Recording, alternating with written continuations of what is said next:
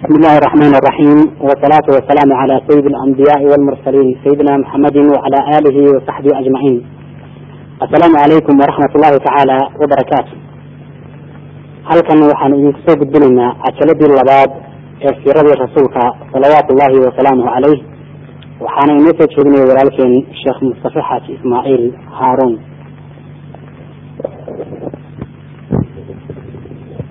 بسم الله الرحمن الرحيم الحمد لله والصلاة والسلام على رسول الله وبعد السلام الله عليكم ورحمة وبركاته aynu ku jiradii nabiga caleyhi salaatu wasalaam qabla nubuwa waxaynu soo gaadhnay isagoo nabigu caleyhi salaatu wasalaam uu geeriyooday awowgii cabdilmualib oo markaasi uu kafaalo qaaday adeerkii abi aalib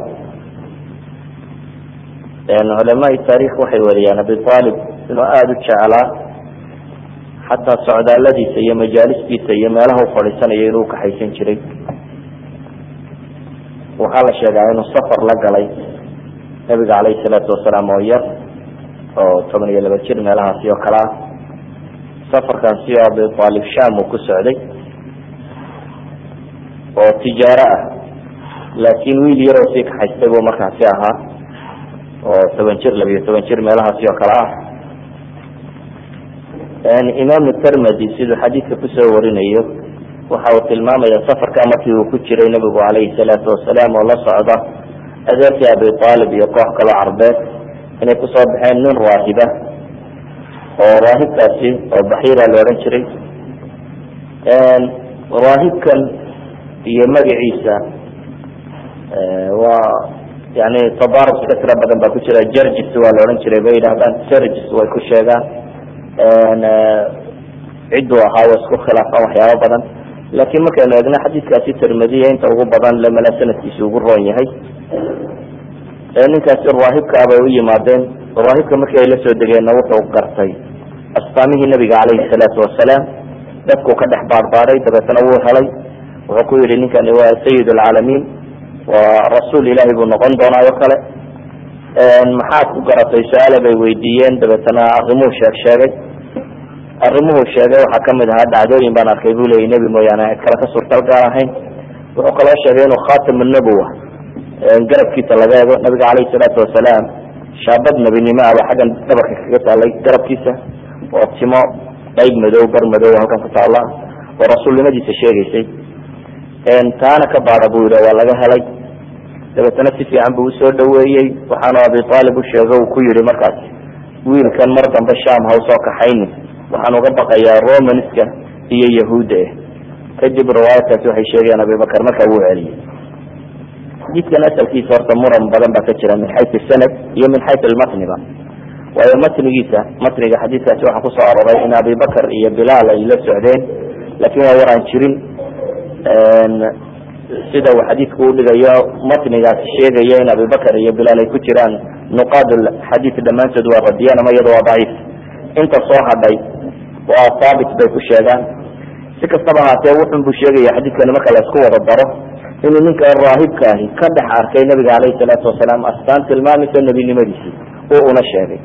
Laakin marka min xayu sancat lxadiid marka laga qabto culamadu matniga iyo sanadkaba aad bay uga warwaramaan aad baana wax uga radiyaan inkastoo culamada baray sugaan kolleyba waxaan laakin ka sugmaynin waxyaalaha mustashriqiintu isku dayaan inay ka tilmaamaan oo ay yidhaahdaan sidii qur'aankaba ay mushrikiintii carbeed sheegayeen inama yucalimuhu bashar ama ay sheegayeen waxa uu cid kale wax ka soo bartay.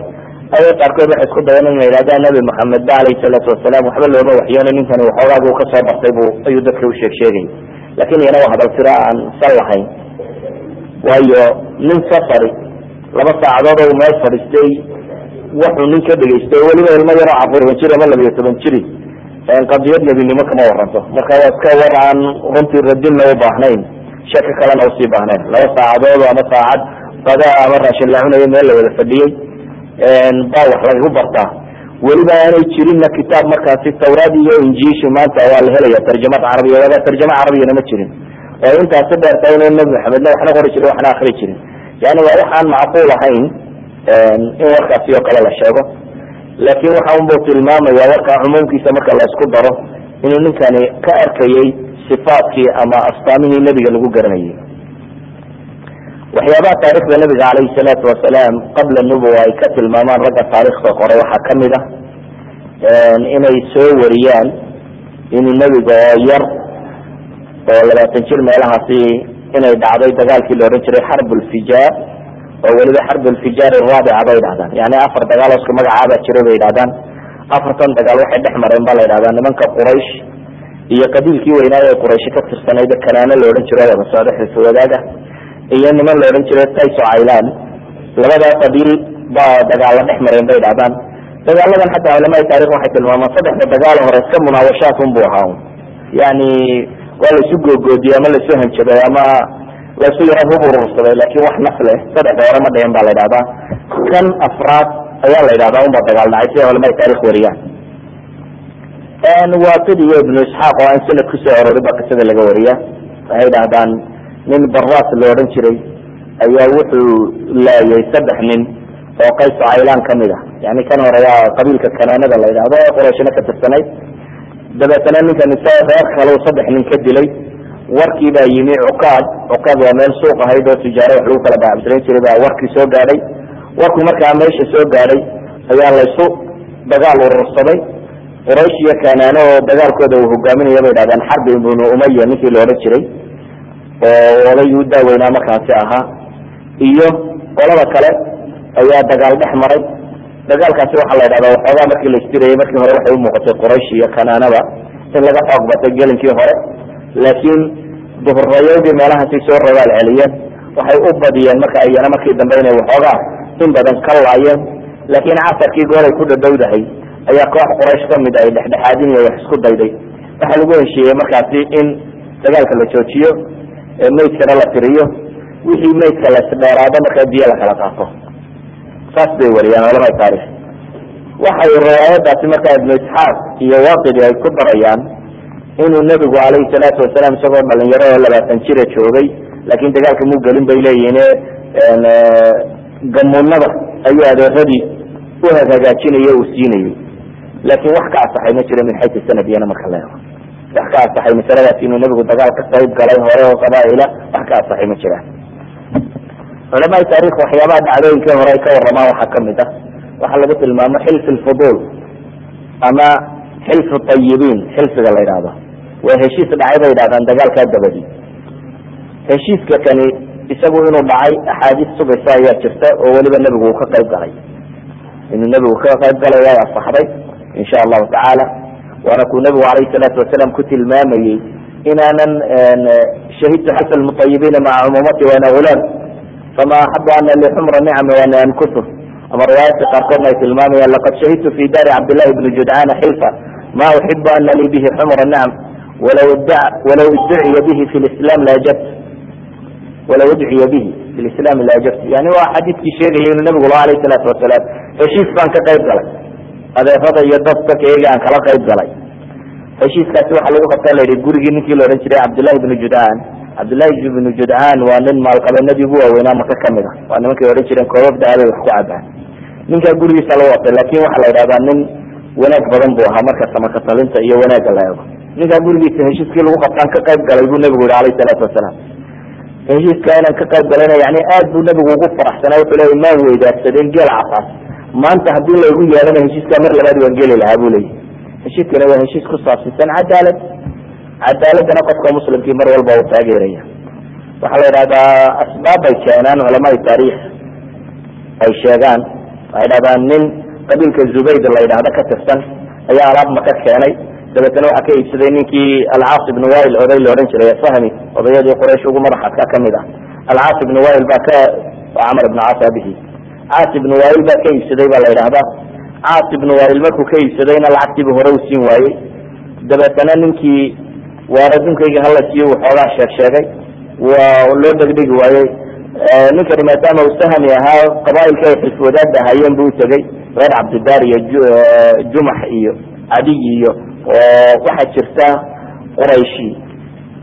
Qusayi markuu dhintay ayay isku qabteen rifaadada iyo ciddii qabsan lahayd iyo siqaayadii ama zamzamkii cidda dadka ka waraabinaysa iyo xujaajta cidda waraabinaysa iyo waxaasaa la isku qabtay.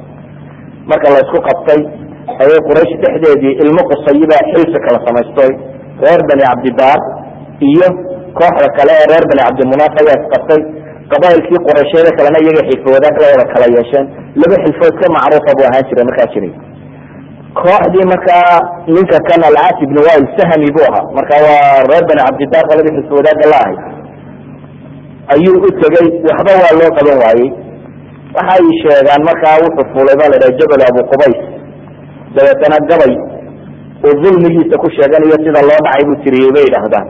Gabaygiibaa waxaa maqlay bay dhahdaan zubayr ibn cabdilmutalib dabeetana wuxu hi war ninkaasi wuxuu sheeganaya wax laga taga maahe hala wada hadlo. Saasi daraadeed ba guriga ninkan la isugu yimi ba la xilfiga sababtiisu kaasa ahayd ba la dhaha laakiin xilfiga sababtiisu inay ka ahayd waa iska dhacda taarikhdu ay sheegta un laakiin intaas waxda aynu haynaa waxa weya nin xilfiga kala jiray oo guriga cabdillahi ibnu judaan ku jiray oo xilfiga asalkiisuna wuxuu ahaa waxa wadagalay bay dhahdaa reer banu hashim iyo bani lmutalib iyo asad ibn cabdilcuza iyo bani zahra iyo taym bani mura intaasoo qabiil baa xilfiga wadagalay bay dhahdeen daarti cabdillahi ibnu judcaan ninka la ydhahdaana lagu wadagalay waxaanu xilfigaasi ku salaysnaa unoo ahaa maka gudaheeda qof lagu dulmiyaa inaanu jirin ilaa inaynu uhiilino mooyaane. Awel hiilku dee talon bu ahaa. Ninkii tallana talkii unba uhiilinayay ninkii tallaana waa la dafirayay laakiin xilfigani wuxuu ku salaysan isagoo cadaalada ah cid kasta oo dulmi magaalada maka inaan dulmi ka dhicin. Cid kasta oo maka joogta oo dulmi laga galo inaynu uhiilino waxaana la yidhahdaa ninkana waa uga soo qaadeen adduunkii. Alcaas ibn wail ninkii la odhan jiray ninkii zubaydiga ahaa. Zubaydi waa reer yamaneed yani nin ah. Way uga soo qaadeen xoolihiisi xilfigani kaasu ahaa. Waxyaabaha markaa intii taarikhdii nabiga calayhi salaatu wasalaam qabla nubuwa la sheegay uu galay waxaa ka mid ah heshiiskaa raggii galay ayuu ka mid ahaa nabigu calayhi salaatu wasalaam yaraantiisii dee adeerkii buu iskala joogay. Abi aalib abi aalib nimaan adduun badan inkasta oo odayada quraysh wax la weydiiye u ka mid ahaa laakiin nin carruur badan oo aan adduun badanna lahayn ayuu ahaa. Marka waxaa muuqatay xataa nabigu calayhi salaatu wasalaam inuu ku caawinayey mararka qaarkood inuu shaqeeyo isagoo inan yara oo uu xoolaa raaci jiray. Maka gudaheeda waa ka axaadiista saxiixa u tilmaamayo inuu shacbu maka calaa qaraariis inuu ku raaci jiray ariga ama xoolaha.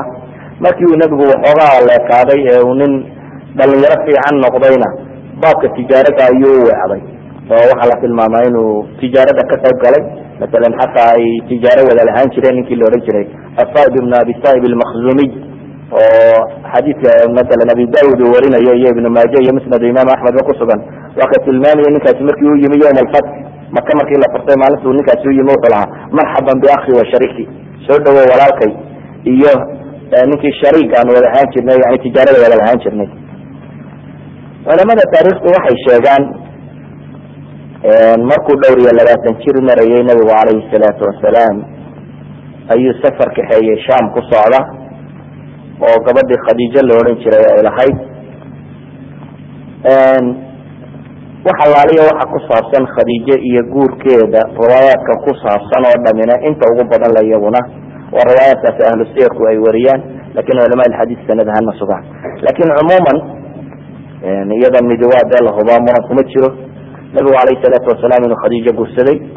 Khadiijo inay ahayd haweenta u dhashay. Caruurtiis oo dhan marka ibrahim laga reebo ibrahim mariya alkibtiya ayaa dhashay. Laakiin lixdii caruure kaleba waxa u dhashay khadiija in ahayd axabu nisaai ama haweenka kuwa ugu jecel yahay bal nabigu calayhi salaatu wasalaam mar la soo hadal qaado wanaagay u samaysay inuu in badan xasuusan jiray. Xataa caaisha iyadoo ay dhimatay bay ka yani khadiijo aan noolayn ayuu nabigu calayhi salaatu wasalaam siduu u hadal hayn jiray u hadal hayn jiray. Hadduu wax qalo ama uu xoola bixinayo khadiijo wuxuu xusi jiray dadkii la asxaabka ahaa. Ha loo geeya waxaas buu odhan jiray waa khadiijo asxaabteedii ama qaraabadeedii ama dadkeedii. Iyadoo dhimatay khadiijo aad nabigu calayhi salaatu wasalaam uu odhan jiray waxay ii gashay ma abaalgudi karayo ilaa xad caaisha maalintii dambe iyadoo inan yar ay ka hinaastay ay tidhi islaan qawla lacabsu maad hadal haysaa ilahay inan yarba kuugu bedelay bay ku tidhi.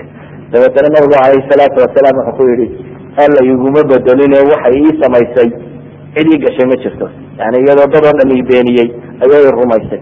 Afyo maalba ila kaysatay markaasuu nabigu wuxuu tirinayay waxyaabahay khadiijo u gashay lixdii caruure marka ibrahim laga reebana afarta wiil afarta hablood iyo labadii wiilba. Yani afartii wiil ahaa qasim oo carruurta ugu weynaa iyo cabdillahi oo u yaraa labadaa wiil iyo afar hablood oo ah zaynab iyo ruqiya umukalsum iyo fatima lixdaa caruurana way u dhashay. Nabiga calayhi salaatu wasalaam intaan risaalada lagu soo dejinna labada wiil iyaga hore ay u dhinteen afarta hablood laakiin afartuba way islaameen islaamkana way soo gaadheen. Laakiin afartuba marka faatima laga reebo saddex isla nebiga noloshiisii bay dhinteen. Nabiga calayhi salaatu wasalaam wax caruura uu dhalay oo uu dunida kaga tegay faatimaa jirtay. Faatimana lix bilood kadib bay dhimatay marka nabiga calayhi salaatu wasalaam wuxuu carruur dhalay oo dhan faatima ugu dambeysay. Faatimana waxay geeriyootay lix bilood nabiga calayhi salaatu wasalaam gadaashii. Waxaan uga jeedaa yani arrinta ku saabsan khadiijo iyo guurkeeda waxaan leenahay waa arrin sugan. Ama tafaasiisha qaabkii uu guursaday iyo qaabkay u xidhiidheen iyo da'diisu intay ahayd iyo iyada da'deedu intay ahayd iyo wax allaali waxa ku soo aroray culama alxadiis ma sugan. Waxay ku soo aroray laakiin haddaynu iska sheegno lilmacluuma waxay sheegeen nabigu calayhi salaatu wasalaam shan iyo labaatan jir isagoo ah inuu safar kaxeeye khadiija ay lahayd. Dabeetana uu xoolihii ku soo faa'iide uu soo celiyey wiil ay khadiijo lahayd oo uu xoolaa la kaxeeyey baa uga warramay marka akhlaaq ficnidiisi iyo dhaqankii nebiga iyo siduu ninkan dhaqanka wanaagsan uu ka arkay. Dabeetana khadiijo waxay doontay inay ninkan guursato. Kadibna gabadh bintu wahab ina bintu wahab ay u sheegtay gabadhii baa nabiga la soo hadashay calayhi salaatu wasalaam siday sheegayaan yani riwaayaadka taarikhdu. Kadib buu aqbalay markaas buu guursaday nabigu calayhi salaatu wasalaam waaqidi oo aynu naqaano culama alxadiis yani masruuq waxay ku wuxuu ku sheegaa riwaayadiisa khadiijo inay markaa ahayd afartan jir nebiguna u ahaa calayhi salaatu wasalaam labaatan iyo shan jir. Ibnu isxaaq isaguna biduuni sanad wuxuu ku soo aroorinaya riwaayad kale aan waxba dhaamin. Inuu ahaa khadiijo inay ahayd sideed iyo labaatan jir nebiguna shan iyo labaatan jir ahaa. Culamada qaar kamidina waxay ayeedaan ra'yiga ibnu isxaaq bay yidhahdeen ba u waayo afartan jir meelaa bay leeyihiin way adagtay lix caruurana inay dhasho. Yani caadada dumarka waxaa la yaqaana dee shan iyo afartan meelahaba markay marayso inay ilmuhu ka dhamaado fogaato fogaato kontonka inaanu la gaarin. Marka culamada qaarkood waxay rajaxaan ra'yiga ibnu isxaaq sheegaya bay yidhaahdaan inay dhowr iyo labaatan jirka ahayd inay u badan tahay maadaama lix caruura ay u dhashay nabiga calayhi salaatu wasalaam. Ayan kan waxaan leenahay midina taarikiyan markaynu eegno waa taarikh la soo aroriya laakiin midina sanad ahaan uma asixin nabigu calayhi salaatu wasalaam yuu kala hadlay. Waaqidi ra'yigiisa isagu wuxuu leeyahay khadiija aabaheed wuu geeriyooday. Buu leeyahay xarb ilfijaar horteed baabuu geeriyooday. Marka adeerkeed ayaa la weydiistay oo loo khidbeeyey oo markaa guuri. Laakin imaamu zuhri qowlkiisa iyo ibnu isxaaq isna siduu soo warinaya waxay leeyihiin may odaygu ma geeriyoone waa noolaayo odayga laftiisa ayuu ahaa ka gabadha bixiyey. Ibnu xajar alcasqalanina fatxigiisa saas buu ku rajaxaya in aabaheedu ahaa ninka la weydiistay.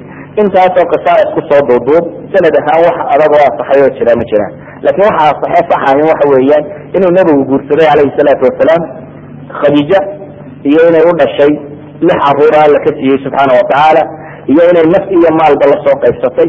Khadiijo gabadh aada u khayr badan ahay yani amaan waxa ugu filan in ilaahay salaan u soo diray yani axaadiista saxiixaysay sugayso waa ka nabigu calayhi salaatu wasalaam malakul jibriil uu yimi ee uu tilmaamayey khadiija in ilaahay uu salaan u soo diray idan khadiija waxaa ammaan ugu filan inay tahay saxaabiyadaasi uu alla subxaana watacaala salaanta u soo dirayo marka aynu eegno qabla nubuwa intii nabiga calayhi salaatu wasalaam aan nabinimadu ku soo degin dhacdooyinka la wariyo culamaai taarikh ay sheegaan waxaa ka mid ah kacbada dhisideedii iyo xukunkii uu kala xukumay carabi qadiyadaasi markii ay isku qabatay. Waxay sheegaan nabigu calayhi salaatu wasalaam culamaai taarikh say arooriyaan soddon iyo shan jir meelaha markuu ahaa ayay qurayshi waxay damacday inay kacbada dhisto kacbadu bay yidhahdaan iyaga hortood markan waxay ahayd radmi ama sukuur waaweyn oo dhagxan waaweyn bay ka samaysnayd oo dushuna qaawantay saqafna aan lahayn. Kacbada saa utaqaana kacbada waa daartan yar ee madow. Daartan xajaradasudku waa dhagax yar kooraa kaga jira. Meeshu waa daar yar oo qol ah oo albaab laga galo leh. Xajarulaswadkuna waa rukunka dhagax yar oo kaga sii jira. Quraysh baa markaa dhaartan dhistay nebi de ibrahim iyo ismaaciil baa markii hore dhisay wakti taarikhday taasi ahayd laakin tan dambe waxaa dhisay quraysh. Waxaa la yidhaahdaa markan quraysh ay meesha soo gaadhay iyagu dhagxan waaweyn bay ka samaysnayd oo dushuna qaawan tahay. Dabeetana waxay yidhahdaan waxyaabihii loo hadiyen jiray ama la siin jiray baytullahi alxaraamkii lagu guri jiray ayaa tuuguu soo dhacday baabay sheegaan culamada taarikhtaa ka mid oo wax ka qaateen meeshii waxay kaloo sheegaan in dee ay gabowday oo muddo badani ay soo wareegtay oo iska dundumaysay oo kale. Waxay kaloo sheegaan waktigaasi nebiga shan sano ka hor intaan la soo bixin oo kale daad weyni inuu maka maray oo derbiyadeedii sii daldalooliyo sii dhaawacay.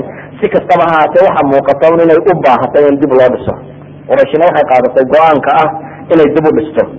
Culamada taarikhdu waxyaabahay wariyaa waxaa ka mid ay leeyihiin waxay qurayshi ku heshiiyeen bay yidhaahdeen inay dhisaan. Ko iyo hanti nadiifa un in lagu dhiso. Oo waxay yidhahdeen gabadh xun meher laga qaatay iyo xoolo ribo lagu iibiyey iyo xoolo la kala dhaco dulmiye iyo wixii xun oo dhan bay yidhahdeen inaynu ka ilaalina xoolo nadiif oo aynu ognay in si xalaalay u soo baxeen oo keliya. Dee dadkuna weligiiba xumaa iyo samaana waa la kala yaqaanay. Ta kalena diintii nebi ibraahim ka tegayna waxba ka sii harsanaa walidalik waxay yidhahdeen xoolo nadiifa aan ku dhisno meesha tan. Laakin dumistii waa say riwaayaadka taarikhdu sheegaan wax sanad oo saxiixa maan arag waxay kaloo sheegaan dumisteedii iyo kacbada duminteedii baa laga yaro baqbaqay. Dabeetna ninka waliid bin lmugira la odhan jiray almakzumi ayaa ku bilaabay isagu bay yidhahdeen oo maalintii hore intu soo qaatay madarakiisa koore ka qoday. Dabeetna markaasay maalintaa cidi uguma tegin bay yidhahdaan baa la arkay inaan isna waxba noqonin meeshiina wax ka dumiyo markaasa la yidhi arrinta waa hagaage si fiican ha loo dumiyo. Si kastaba ha noqotee ninkaasaa bilaabay bay yidhahdeen laakin isaguna markuu uqaatay madaraka wuxuu lahaa allahuma la nuriidu ila alkhayr. Ila waad ogtay inaana wanaag waxaan ahayn u duminayn yani inaan dhisayo un kacbada way ka baqi jireen waana xurmayn jireen. Way dumiyeen kacbadii markii la dumiyey waxaa lagu heshiiyey in dib loo dhiso. Dabeetana qabailkii carbeed ayaa qaybsaday dhagxantii meesha geli lahayd reer hebel intaa keena reer hebel intaa keena reer hebel intaa keena in waliba inteediba kunta waxa ka asaxay meesha tan iyadana haddaan sheegna waa xadiidkii sheegayey inuu nebigu calayhi salaatu wasalaam isaga iyo cabaas ay israaceen dabeetana dhagxanta markay soo gurayeen cabaas uu ku yihi war dhagaxani wuu ku sarsari doonaaye marada guntiga furo oo saar halkan oo dhagaxa isaga dhig dabeetana uu guntigii furtay nebigu o halkan saaray kadibna uu dhacay oo miyir beelay kadibna uu soo toosay isagoo le war ma guntigayga ii xidha guntiga i xidha isagoo le guntiga loo xidhay.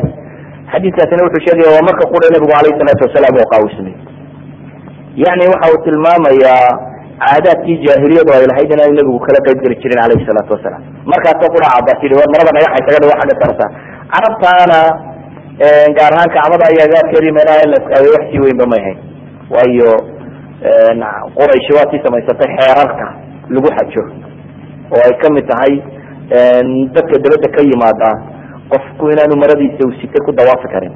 Allahuma ilaa inuu tuurayo mooyaane.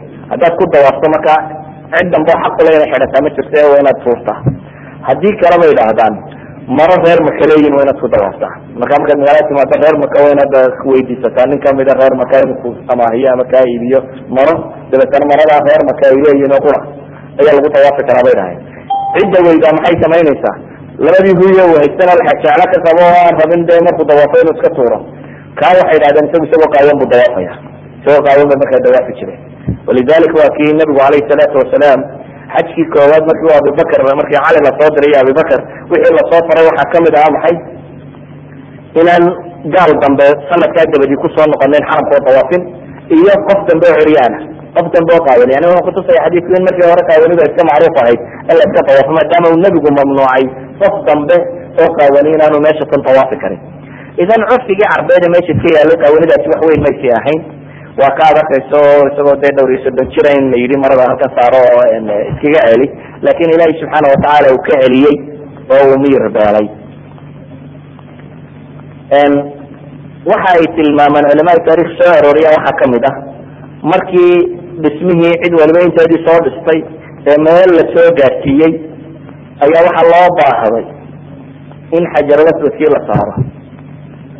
Xajarulaswadkii markii baa qabailka isqabteen dabeetana. Awal dhagxantii hore la qaybsay kan waa mid qura maxaa laga yeelaya. Qabailkii baa isqabtay annagaa saarn waxa lagu heshiiyey. Albaab bay yidhahdeen a albaabada xaramka laga soo galo. Albaabka qofka inoogu horreeya ka soo galaa wuxuu inoogu gar noqo aan aqbalo bay idhahdeen si baa lagu heshiiyey albaabkii ciddii horeysa ka soo gasha bay idhahdeen sa culamai taarikh sheegayaan ilahay wuxuu ka dhigay nabi maxamed alayhi salaatu wasalaam oo dhalinyaro dhowr iyo soddon jira.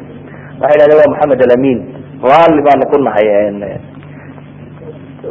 xukmiga iyo wuxuu inoo kala go'aamiyo sidaa awgeed ayuu wuxuu say sheegayaan culamada taarikh wuxuu yihi keena go go-i baa la keenay. Dabeetana dhagaxii isagaa qaado go-i buu bartan ka saaray. Qabailka oo cid walaba odayadiina soo dira la yidhi. Go-a dacalada wada qabta go-i baa la wada qaaday. Meeshii markii la gaarsiina isaga ka qaaday oo saaray saasay aqbaleen waxaanay u dareemeen reer walba da inu meesha wax ka saaray maadaama odaygoodii go-a dacalka wax ka qabtay oo xagga sare u gaarsiiyey inaanay hadhow noqonaynin manqaba yani wax laysu sheegto oo qola sharaf dheeraada tirahdo annaga berigii kacbada saan ka yeelay inaan cidina odhan karin. Saas baa lagu dhameeyey ba la yidhahdaa waxay sheegeen culamaai taarikh horta waxaa cad qurayshi kacbadu halkii ay markii hore ka dhisnayd qawaacid ibrahim way ka soo yaraysay waxay yidhahdaan sababahay uga yareeyeen bay sheegaan oo waxay yidhahdaan maadaama ay ku heshiiyeen xoolo nadiifa mooyaane xoolo kale la gelin. Xoolii nadiiftee la soo ururiya gaadi weyday bay idhahdeen deetana waxay dhahdeen xun oo kale yaynan ku darine daartun aan soo yarayno. Saadkii daarta markaa halkii uu marayay laga soo gaabiyey oo meel ka sokaysa la keenay walidalika waa kii nabiguna alayh salaatu wasalaam caaisha isagoo la hadlaya waa kii xadiiskii bukhaari ku tilmaamaya lahaa. Haddii aanay caaisha ay tolka ahayn qariibu cahd sa diinta ku cusub oo aysan aan ka baqayna inay shakiyaan ama dhib kale inay soo gaado kacbada intaan dumiye buu nabigu yihi ayaa waxaan dhismaha ka dhigi lahaa maxay? Qawaacid ibrahim ayaan dib ugu celin lahaa oo dhismaha. Ee waxaan isaga daynaya sideeda ahaatee dadka kan in waswaasa dhex galo la dhex araro. Ayaan isaga daynaya islaamnimada ku cusub islaamnimadooda ha iska haystaan. Laakin qawaacid ibrahim kuma dhisnay dib baan u dhisi lahaa. Waxaan filayaa abiyi cabdillahi bnu zubayr baa mar mala dumiyey oo dib u dhisay oo qawaacid ibrahim ku dhisay. Laakin xajaaj iyo habarqarayaashii markii ay dileen kadib haddana dib u dumiyeen oo ay xaggii ku soo celiyeen marka weli xagga yaraabay jirtaa. Markii dambena culamada muslimiinta waxay arkeen war meesha haddii marna la sii dumiye marna la soo dumiyo dhibteeda badanaysa inteeda isaga daaya nabigu intaas isaga daayo kaga tegaya laakiin cabdillahi bnu zubayr baa markaa isku dayay inuu qawaacid ibrahim dib ugu celiyo saa daraadeed waxaa la yidhahdaa waxay ka soo kaceen in dhulkii dhismo u ahaa. Cumuuman inahaasi waxaynu odhan karnaa waa inayogii qabla nubuwa nabiga calayhi salaatu wasalaam intii aanu nebiga noqon siiradiisa caamkee qabla nubuwa markaynu tilmaamnana wuxuu ku caan ahaa in caqli badan oo degan oo aamus badan oo xishood badan oo dadka waxtara oo gacantiisu furan tahay oo aada u caqli badan oo ammaano dhammaanteed lagu yaqaano cid waliba xataa acdaadiisu ay wax ku aaminaan oo run lagu bartay oo aan weligii been lagu arag oo ilaahayna ilaaliyey subxaana watacaala ilaahayna ilaaliyey xataa waxyaabaha jaahiliyaadka yaryar dadku iska samsameeyaan ilahay baa ka dhawray subxaana watacaala waxaa la yidhaha weligii sanam ma caabudin ma salaamin. Bale axaadiistii waa kuwii tilmaamayay zayd. Zayd ibnu xarisaba iyagoo tawaafayaan. Markii tawaafka la waday baan sanam soo saartay bu yidhi markaasu ii diiday qabla risaala markaasaan haddana bal ku daya mid soo saartay markaasu haddana ii diiday yani xataa taabashadooda muu cuni jirin? ba la yidhaha wax alaaliya wixii loo qabo cala nusub sanamadoodan iyo alihadan iyo waxaan ay caabudaan iyo qaraabintoodan oo dhan muu cuni jirin kuwan saqaawiye iyo waxa kuma jiri jireen markaa quduu maradiisa degta saaray markiina waa miyir beelay indhaha wuxuu kala qaaday isagoo izaari izaari leh. Khisaalka runtii fiican oo dhan markaasi nabigu calayhi salaatu wasalaam uu lahaa. Intaasi waxaynu iskaga soo koobaynaa wixii ku saabsiisnaa qabla nubuwa waxaynu u iman doonaa markaasi. Qayb uu dacwada kor ugu dhawaaqayay oo uu kor waday. Waxaynu bilaabi doonaa markaasi bal qaybta koowaad iyo markii alla subxaana watacaala uu nebiga ka dhigay ama rasuulka laga soo dhigay nabiga calayhi salaatu wasalaam waxaa la dhaha daada nebigu markii ay afartan jir ku dhawaatay ayaa wuxuu jeclaystay in badan in uu iskaga baxo nimankan waxay caabudayaan iyo meelahoodan oo dhan oo khalwa iska sameeyo gaar inuu cidlo isaga baxo. Iska taamulo dunidatan iyo saa alla u abuuray subxaana watacaala uu fiirfiirsado iska cibaadaysto waayo dadku diinta ibraahim xaniifka ahayd wax ka sii hadhaday un baa jiray. Marka inuu iska cibaadaysto waxay weliba gaar ahaan culamaai taarikh wariyaan ramadaanada inuu bixi jiray inuu geli jiray godkaasi la odhan jiray waaru xira. Waaru xira waa god weyn oo aada u ballaaran god yar maaha. Waa god aad u afweyn oo weyn. Buurtan jabal nuur la yidhahda ku yaalla caamada iminka marka xajka la tagayo meelahaas ay buurtaas ku dhibaan oo koraan oo godka oo sunno ku soo tukada waxaas iska bidca waxba kama jiraan godkan berigu nebigu gala u ka soo baxay khalas. Wax dambe oo loo tagtago oo laga qabsaa ma jiraan. Godkaasi buu nebigu tegay calayhi salaatu wasalaam. Godku buur dheer buu korka ka yaalla muddaad koraysa yani in nusu saac kolleyba ka badan baan rajaynaya saacad ku dhawaad meelaha qaadanaysa qofku inuu lugeeyo. Waa buur aada u sarraysa marka la eego. Inta uu qofku wada yaro aada u luuqa laga koro. Waa meel aada u cidla halkaas buu nebigu isaga bixi jiray calayhi salaatu wasalaam oo iskaga cibaadaysan jiray. Halkiisi isagoo iska jooga markaasi ayaa waxa u yimi malakul jibriil.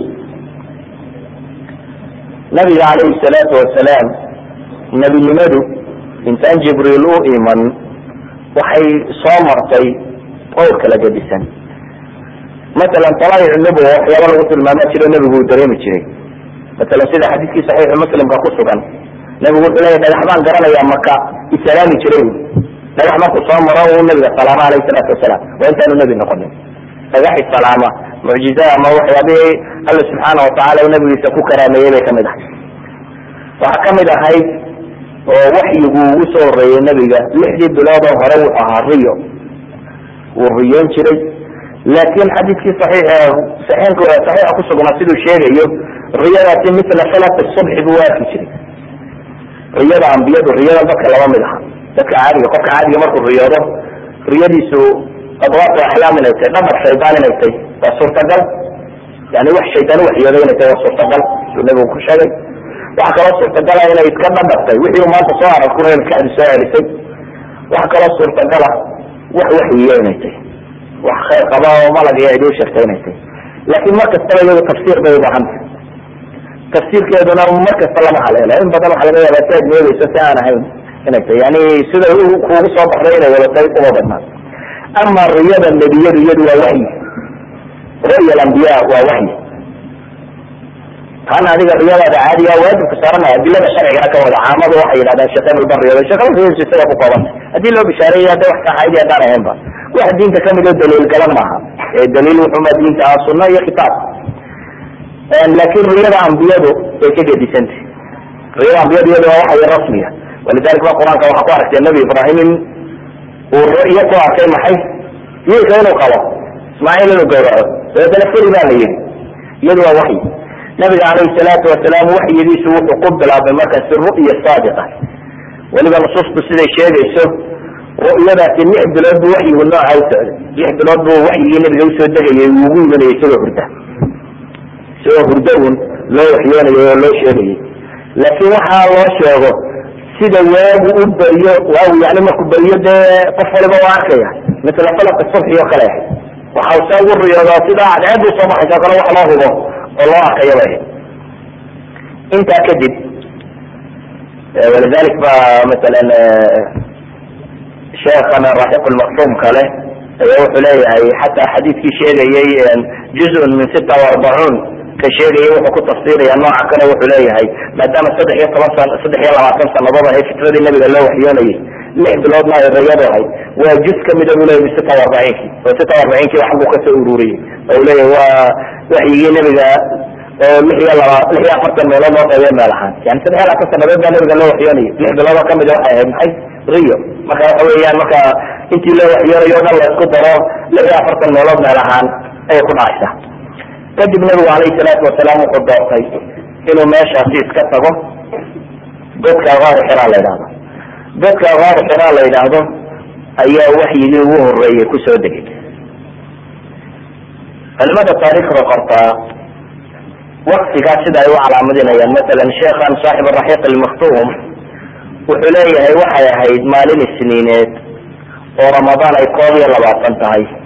Bisha august tobankeedii lix boqol iyo tobankii milaadiyada oo da-da nebigu ahayd afartan sano oo kamariya yani tabayaxa laga tiriyo afartan sano iyo lix bilood iyo labiyo toban maalmood buu leeyahy haddii cadceeda laga tiriyo leegana soddon iyo sagaal sanadood saddex bilood iyo labaatan habeen bu ahaa bu leeyahy isagu saas u xisaabiyey.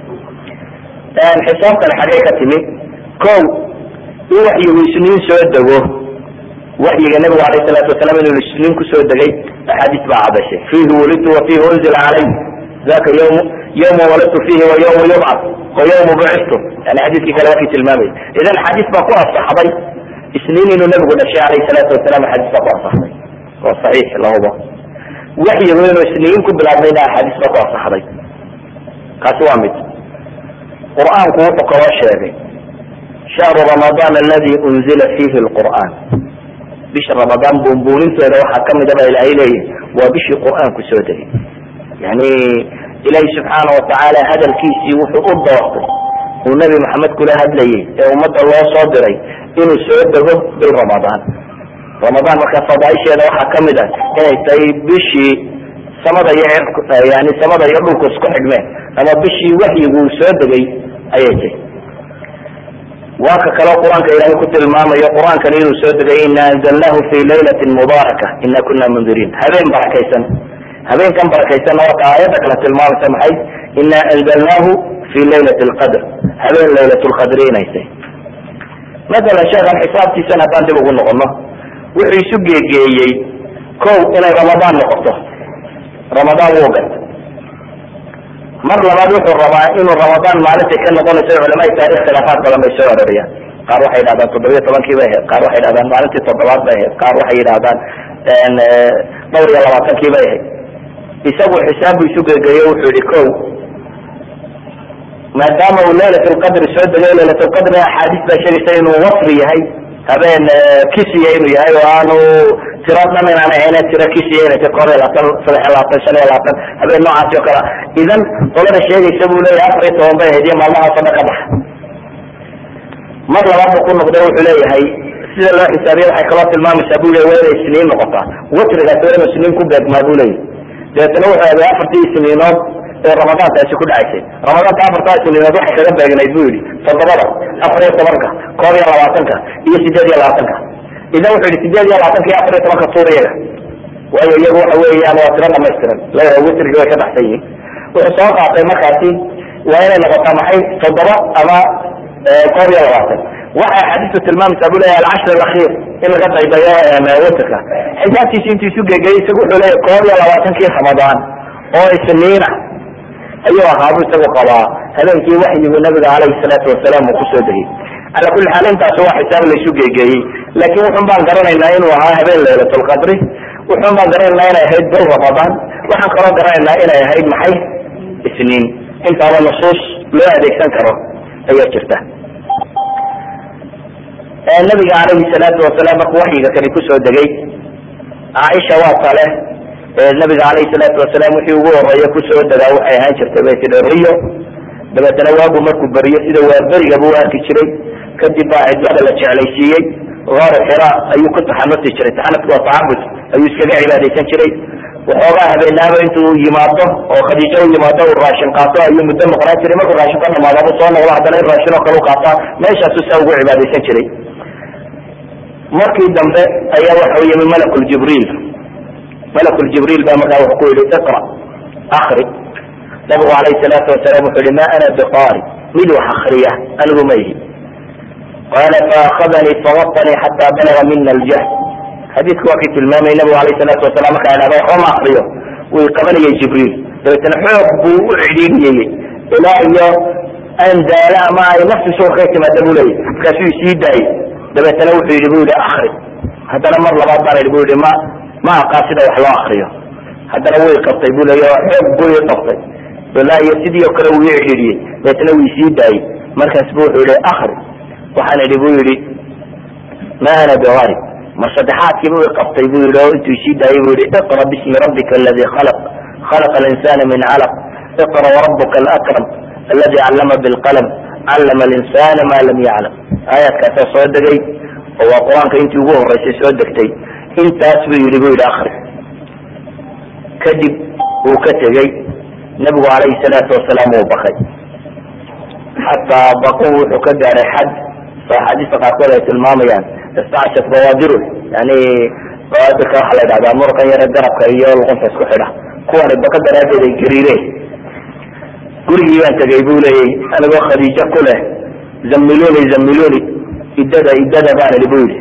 Dabeetana waa la daday markii cabsida ay ka baaday ayaa khadiijo yidhi bu yidhi maxaa dhacay warkii buu ka sheekeeyey marka. Warkii ayuu ka sheekeeyey. Wuxuu yihi naftaydaabaan u cabsaday sidii loo galay buu ka sheekeeyey. Khadiija gabadha aada u caqli badan bay ahayd caqli badnideedaasi waxyaabaha tilmaamayana waxaa ka mid ah. Nabigu calayhi salaatu wasalaam waxay ku leedahay ilaahay baan ku dhaartay alla weligii ku hoojin maayo. Ilahay weligii ku hoojin maayo. Waayo waxay leedahay hal jazaa lixsaan ila lixsaan qofku hadduu samaha sameeyo abaalku helaana waa wanaagu. Waxay leedahay qof wanaaga sameeya baad ahaan jirta inaka latasil rixm wataxmil lkalb wataksib lmacduum wataqra dayf watuciin cala nawaib lxaq waxay leedahay adigu waxaad ahayd qofka culus ama dayna ku cuslaada ama dhiba ku cuslaada mishka kuwa culus mid wax ka xambaaro oo ka qaado baad ahay kaan waxba haysan mid wax siiya baad ahay martida ku sooraad ahay dhibaatooyinka mid dadka uga gargaara baad ahay yani qof wanaagaasoo dhan samaynaya in dhibi iskaga timaado macquul maaha bay tilmaamaysa laakin inakaan bay tidhi. Waxaynu u tegaynaa. Waxaa jiray nima iyada ilmaadeeriyiin. Oo adeerkee dhalay oo la odhan jiray wariqa ibnu nofal ibn asad khadiija bint khuwaylad ibn asad bayanahay yani ilmaadeer bay ahaayeen. Ninkan ay ilmaadeerka yihiin nasraaniyadu qaatay masiixiyadu cristan buu noqday. Marka luqada cibriga buu wax ka yaqaanay. Yani cibriga waa lugadii yahuuda kutubta markaa ku qoraydna waxbuu ka yaqaanay. Marka waxay leedahay arrinkani ma aha xume aan wax weydiina ninkan caalimkeena kale.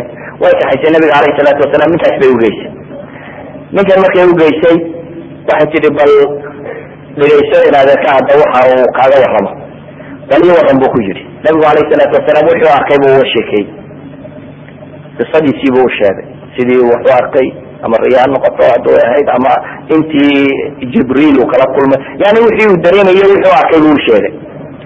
Markuu sheegay bu wuxuu ku yihi markaas wariqa markaa wuu gartay in ninkan loo waxyoonay wariqa bnu nofal ko de maadaama ahlu kitaab ha wuxuu hayay bishaaraadkii hore ee nebi soo baxayo. Yani ahlu kitaabka agtooda waxa yaalla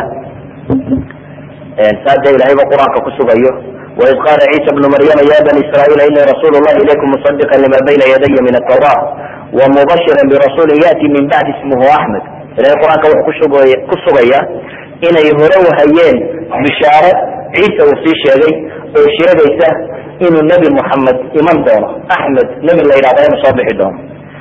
Tawraada iyo injiishan ay hayaan in badan baa la taxriifiyey laakiin qaar kamida xataa ilaa hadda magaciisa lagu haya. Masala kuwa magaca lagu hayo waxaa ka mid a tawraada iyagu tawraat samira mid la yidhaahdo iyo injiilu barnaba oo kale.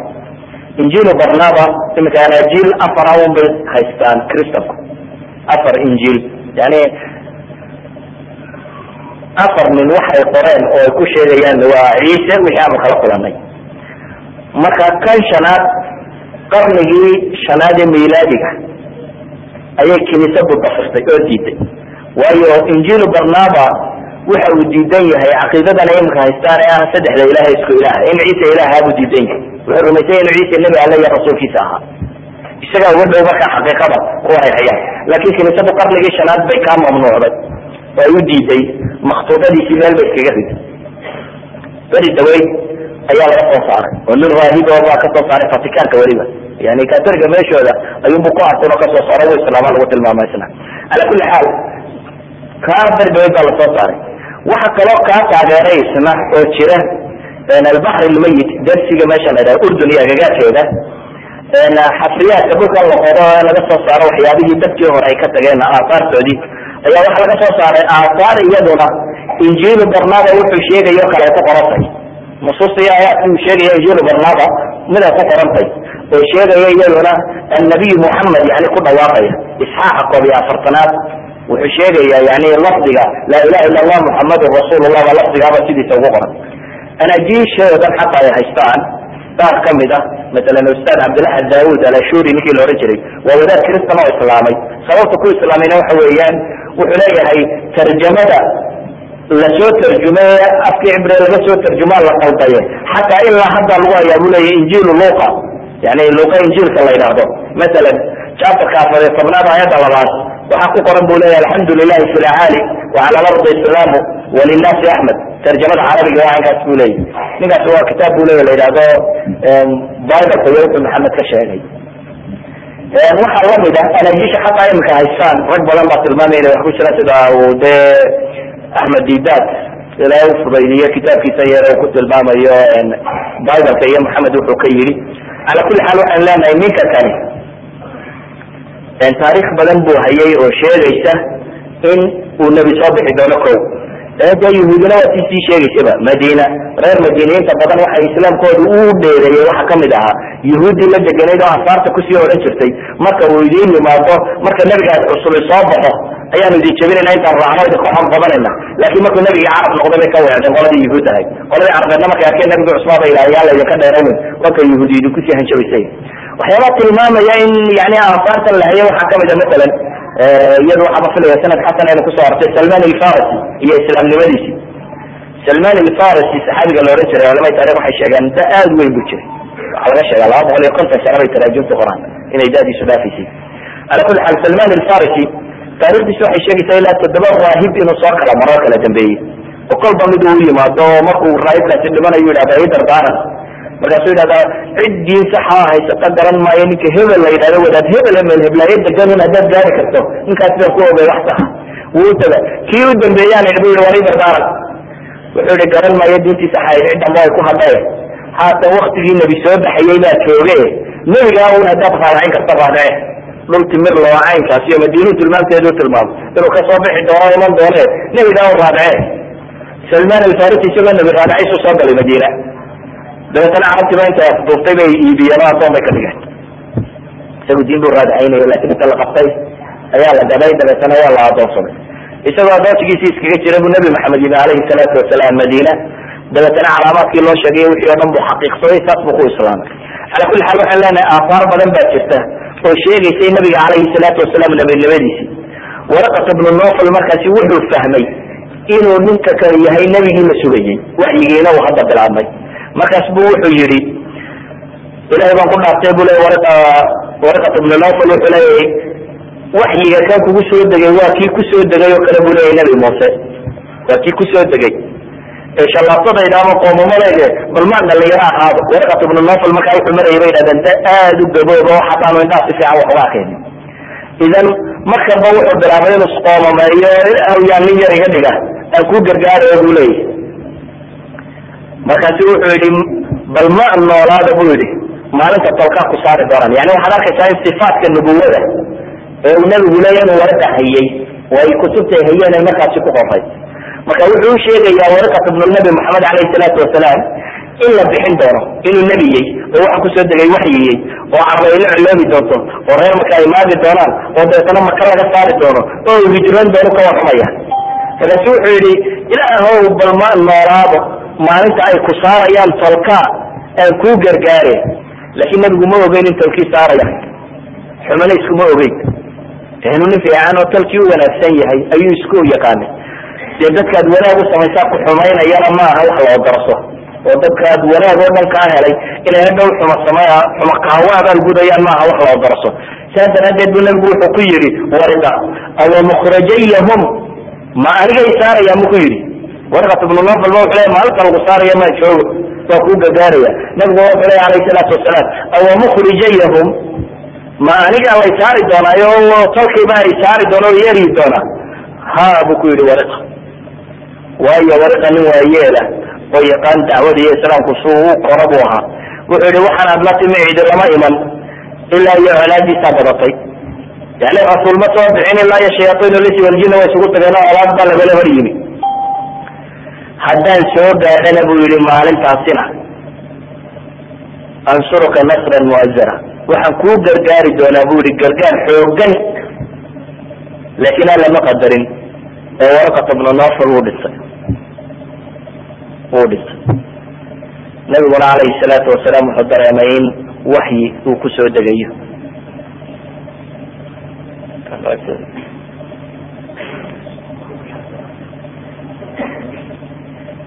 nabigu calayhi salaatu wasalaam wuxuu dareemay ama wuu degay oo nin caalima ayuu u tegey oo u sheegay waxa kan inuu waxyihi xumaanaa khadiijina markii hore sii dejiso u tilmaamtay dadka wanaagga sameeya wanaaguna inay la kulmaan. Kadib wakti yar baa nabigu alayhi salaatu wasalaam waxyigu uu ka go'ay waktigaa uu go'ay culamada qaar baa sheegeen saddex sano aheyd qaar baa laba sano iyo bad laakin saaxib araxiiq almaktuum isagu wuxuu leeya waa ayaamo yarba culamo badan ba qabta inay ayaamo ahayd oo ka yarayd waktigaa kala sanawaadka sheegaya sa ibnu xajar iyo rag lamida laakin saaxib raxiiq almaktuum isagu wuxuu leya waa tobaneeyo cashaabay ahayd isagu tiradiisii unbuu dib ugu noqdo wuxuu i waxay ahayd un koob iyo labaatankiiba ku soo degay ramadaan intii ka harsanayd unbuu ka maqnaa dabeetna shuwaarkoodeedii buu soo noqday buu leeyahy oo waxyiga dambe uu soo degay ya ayuha lmudasiru ya tobankaa casho ayay ahayd banu leeyahay fatrulwaxyigu ama intii waxyigu uu ka maqnaa nabiga alayhi salaatu wasalaam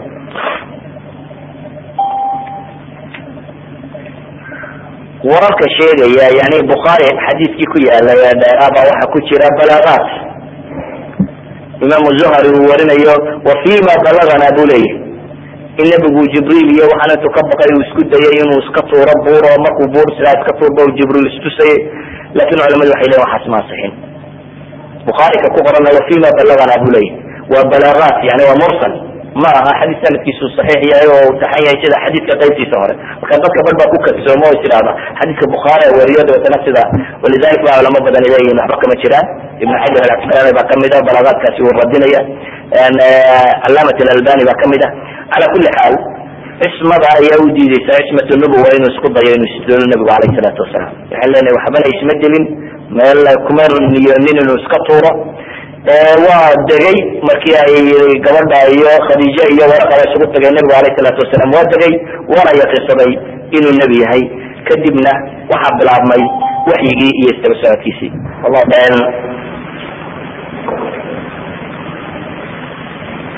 waktigaasi waa markay soo degtay yani fatuurkan ama waktigan waxyigu ayaynu sheegayna waa waktigii udhexeeyey iqra iyo mudatir qaybteeda hore intay soo degeysay culamaa sir ama culamaa tafsir qaar kamidna waxay soo arooriyeen mar saddexaad inay jirtay laakiin markaa saddexaad waa aad bay daciifatay. Waa qisada ay u soo arooriyeen in nabiga su'aala la weydiinayey ruuxda iyo ay ka mid yihiin masaa-ishii kaafkii iyo waxaa la weydiiyey. Oo dabeetna insha allah intuu ilaabay shan iyo toban casha qaatay xadiskaas isagoo daciif. Ala kuli xaal waxay culamadu isku waafaqsay in futuur jiray waa kamo iqra iyo iyo mudatir inta waktigii udhexeeyey waxaana la isku waafaqsay inaan wakti badan hayn. Walidalika xata ibn xajar qoladaa sanadaha sheegaysa iyagu sanadkooda waa daciif. Walidalika ibn xajar laftiisa wuxuu ku tegay wakti kooban ay hayd. Kadib ayaa nabigu alayhi salaatu wasalaam isagoo ka soo socda xadiidkii saxiix lbukhaari siduu tilmaamayo isagoo ka yimid taxanufkiisii waa waktiga uu leeyahay saaxib raxiiq lmaktuum mashwaal bilowgeedaas bay ahayd isagoo ka yimi meeshii uu ku taxanufi jiray ama ku tacabudaya ama uu ku cibaadaysanay ku khalweynaya gaarka ugu baxayay oo soo socda ayuu wuxuu maqlay nabigu alayhi salaatu wasalaam. Waa loo yeeday dabeetana wuxuu leeya waxaan eegay midigtayda waxba waan ka arki waayey waxaan eegay dhanka bidix waxba waan ka arki waayey. Xagga hore xagga dambe dhan walba waan eegay bu yihi waxba waan arki waayey. Markii dambe ayaa kor eegay bu yihi dabeetana dushayda ayaa waxaan arkay bu yihi malagii godka igu yimid oo malakul jibriil oo kursi ku fadhiya bayna asamaai walard dabeetana fajuistu minhu rucbaa buu xadiisku tilmaamay. Waan cabsaday bu leya aad baan uga baqay ilaa yan dhulkaba ku dhacay. Dabeetana khadiija ayaan u imi bu yihi anigoo le zamiluni zamiluni dafiruni dafiruni wasubi calaya maan baarida anigoo le baan imi bu yihi idada idada idada oo biyo qabowna weliba igu shuba. Anigoo sidaa le ayaan u imi bu leeyahay khadiija waa la daday markaasi. Markii la daday biyo qaboobayo wax lagu shushubayna waxaa soo degay aayaadkan qur'aana ee suurat lmudafir ugu horreeya oo alla subxaana watacaala ee leeyahy ya ayuha lmudafir qum faanzir warabaka fakabir wasiyaabaka fatahir wrujsa fahjur. Aayaadkaas baa soo degay walaa tamnun tastaktir oo ilaahi subxaana watacaala uu mabda risaala ugu dhiibayo yani iqra waxay culamadu yidhaahdaan nubuwada ayaa ku bilaabantay risaaladu ama daristiina kan bay ku bilaabanto ilaahay leeyay. Qum faandir. Ya ayuha lmudatir baa yidhi waa midkan isduuduubayo qum faandir. Kacba ilaahay leeyay subxaana watacaala oo faandir dig yani kan isduuduubayo ba ilahay ley subxaana watacaala kaanamaa loo tilmaamayo waktigii dafciga iyo raaxada iyo hurdada iyo nasashadu iyo ceeshka haniiga ee mutaaxa ee waktigiisii waa dhammaaday. Arrin weyn baa lagu faraya kacoodig waa sifa runtii qof kasta oo raba inuu xambaaro risaalada tan looga baahan yahay. Oo ah qofkan risaalada xambaaraya inuu ku talagalo inuu xambaarayo arrin aad u weyn. Oo aan isku cuntamin inaad nin guri noqoto iyo inaad nin gola noqoto. Yani nin guri inaad ahaato guriga iyo xaaska iyo carruurta iyo intan koorciso koolkooliso iyo inaad risaaladan xambaartaa waa isku adagyi walidalik ba ilahay wuxuu nabiga kuleeya ya ayuha almudathir kan isduuduubayo ba ilahay yihi subxaana watacaala qum kac baa la yidhi oo faandir dig oo dadka u dig. Waa shaygii koowaade la faro inuu balaaq dadka gaarsiiyo. Ka labaad ee takliifka aayaadkani tilmaamayaan waxa weeyaan warabbaka fakabir inuu isagu naftiisa ku tabaqo qadiyada tan oo arrintu waxay ku kooban tahay ama ku duduuban tahay inuu qofku ilaahay weyneeyo subxaana watacaala iyo ka dambeeyo. Idan dadkana u dig ba la yidhi adiguna naftaada ka bilowo warabbaka fakabir alla weyney subxaana watacaala khusu bitacdiim oo cidna hala wadaajinin. Masaladaas waa masale u baahan iyaduna ahlu dacwo inay aada ugu fiirsadaan. Oo waa madhalka dacwada laga galo. Madhalkan waa indaa iyo tacliim alle subxaana watacaala in la weyneeyo oo dadka qulubtooda lagu weyneeyo.